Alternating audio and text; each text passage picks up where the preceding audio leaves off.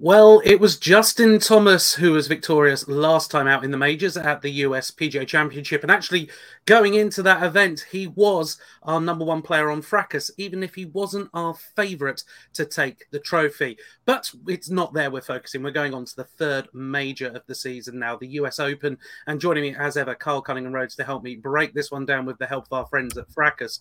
Because this is a very different challenge for us, just in the background here, Carl. It's been quite a while since Brookline has hosted a professional stroke play tournament, over three decades, in fact. So, how does the model go about making sure that we're able to give a very accurate prediction when it comes to what's going to take place this weekend?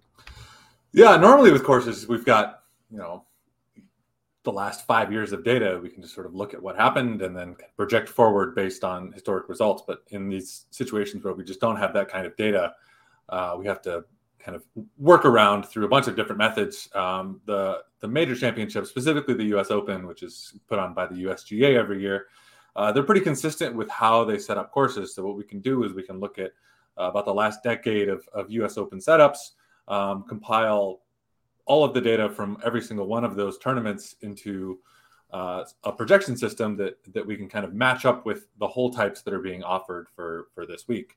Um, generally that's that's lots of really long and difficult par fours, um, long and and difficult but but less variable par fours where you're you're still fighting to make par, but you know double bogey isn't quite in play.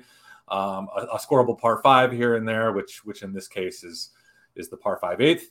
Um, some some mixes of par threes, usually quite a few kind of long and difficult ones, but also some shorter ones that that should have some scoring involved. I think the the eleventh hole um, will offer some opportunities for scoring, but also should just be kind of par and move on. Um, so looking at looking looking at all that historical U.S. Open data and sort of projecting forward, um, while also just getting some kind of fun to do it and see that you know most uh, tournament setups, you know, people love their par five 18ths. I think the it was kind of cool to see that the average par on the 17th hole is like 3.4 or something. So people like having par three, seven, uh, par three 17th holes that we see neither the 17th or 18th or a par three or par five this week, but um, kind of interesting to see that from a from a uh, course design perspective.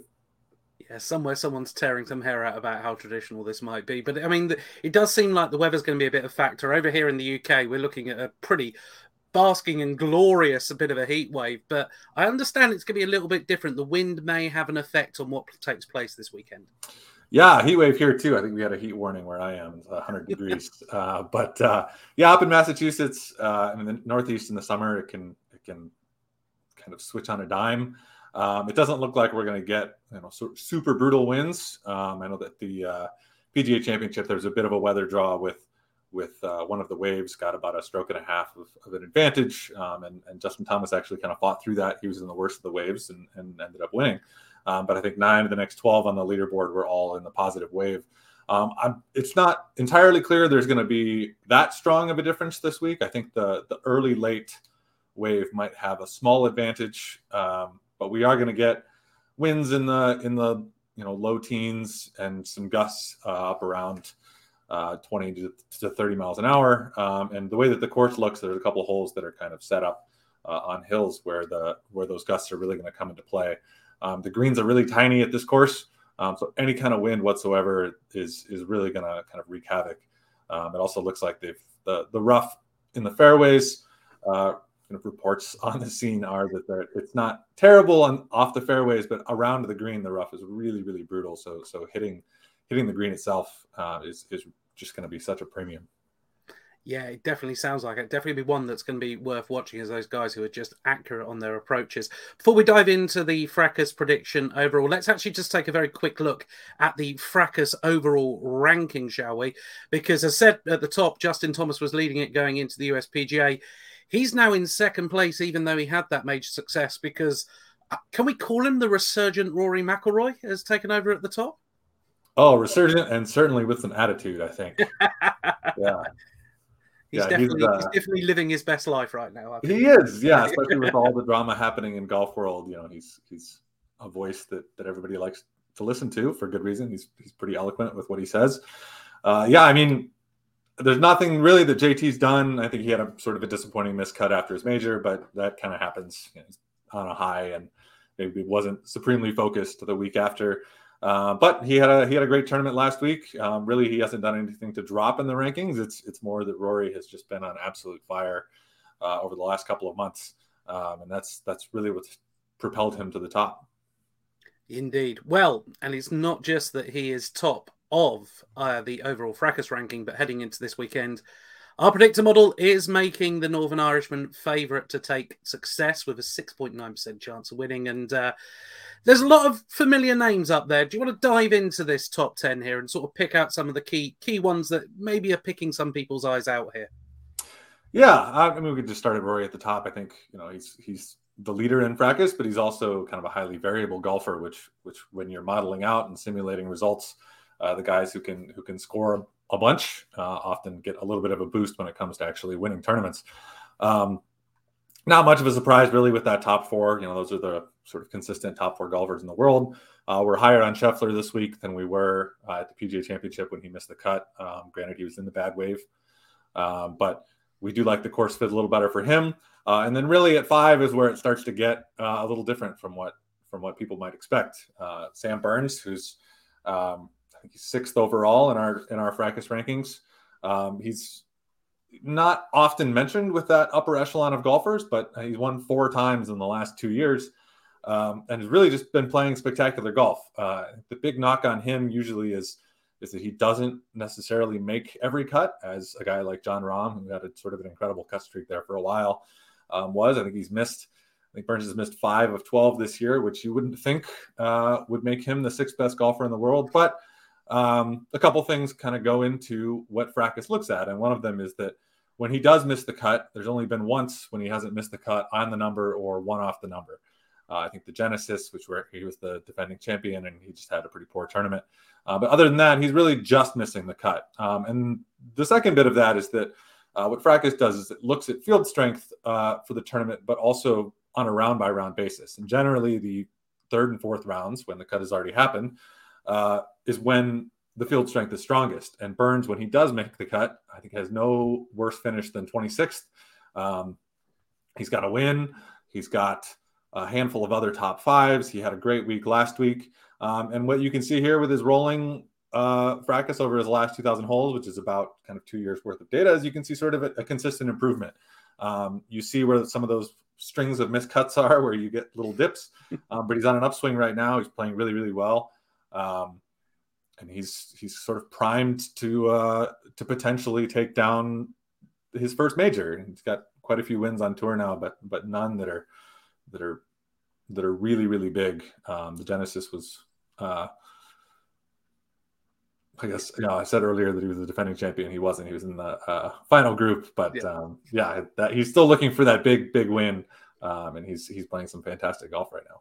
Yeah, indeed. It's certainly that's one player to look out for. Just to bring back up the uh, fracas, the sorry, our tournament predictor leaderboard. You can of course dive into this on theanalyst.com.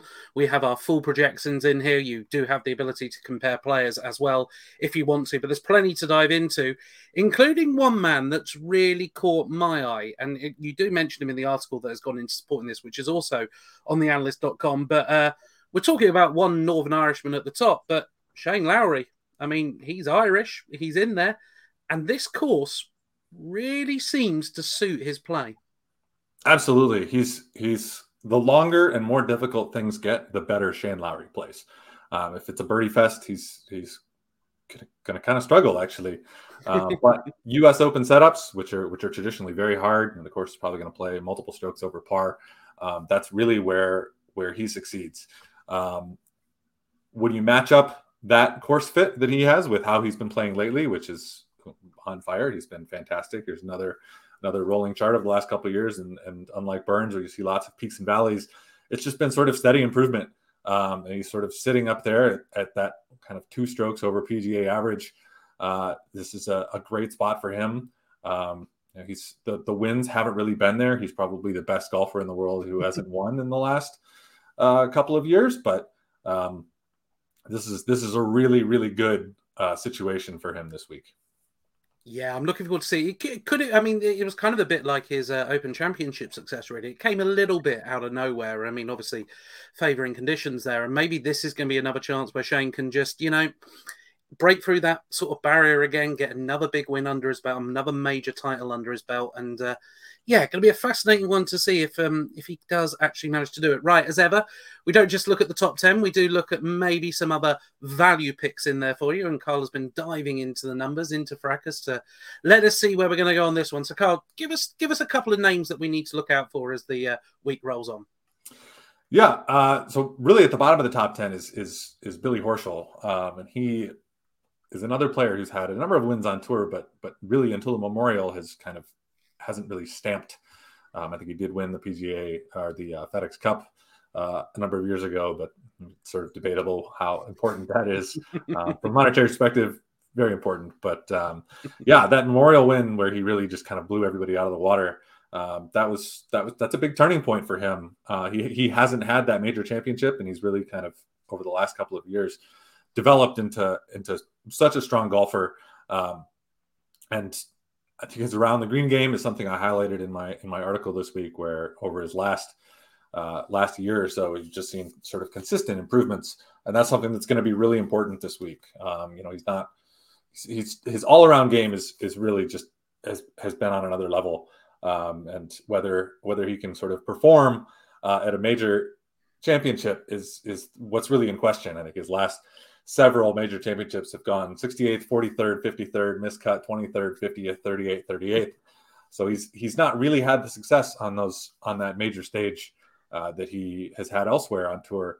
Um, but again, the Memorial is is you, know, you, look at the last couple winners of that tournament, um, and those are guys who are who are right up at the top uh, in terms of, of who's talked about as the best golfers in the world. Indeed. I mean, and as we know with golf now, it's not all about the money. So, uh, you know, it is about prestige. It is about playing for the tournaments as well. So, uh, yeah, Billy Horschel, one to watch out for you. Anyone else we need to be marking our cards for? Maybe an early round favourite or such like? Yeah. So, Ryan Fox, uh, he's a he's a New Zealander. Normally plays on the DP World Tour. Um, he's a he's a long hitter, hits it a mile, uh, and he's just he's had a really really spectacular 2020.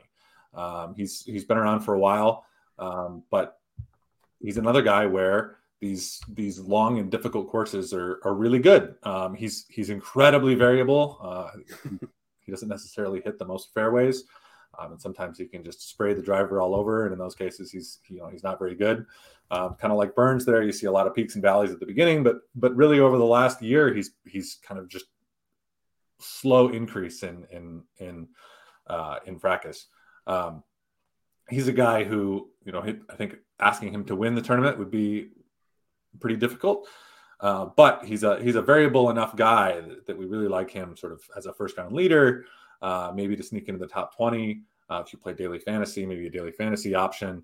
Um, he's he's been known a little bit to kind of blow it when he's in contention. Um, he does have a, a, win this year, so so he did sort of overcome that. But he's had a couple other situations where he's uh, had sort of a really, really high percentage chance of winning with a couple holes to go and, and dumped a couple in the water or put one out of bounds. Um, but you don't really have to worry about that in the first round. So, so he's a guy we're sort of looking at um, as a as a first round leader. There you go. Couple of people there, a couple of players to mark your card with. Um, if you want to learn more about what Fracas and Carl believe is going to be occurring this weekend at the US Open, don't forget to head over to theanalyst.com where we have a much fuller article, including much more of a breakdown on those guys in the top 10, as well as plenty of other players as well.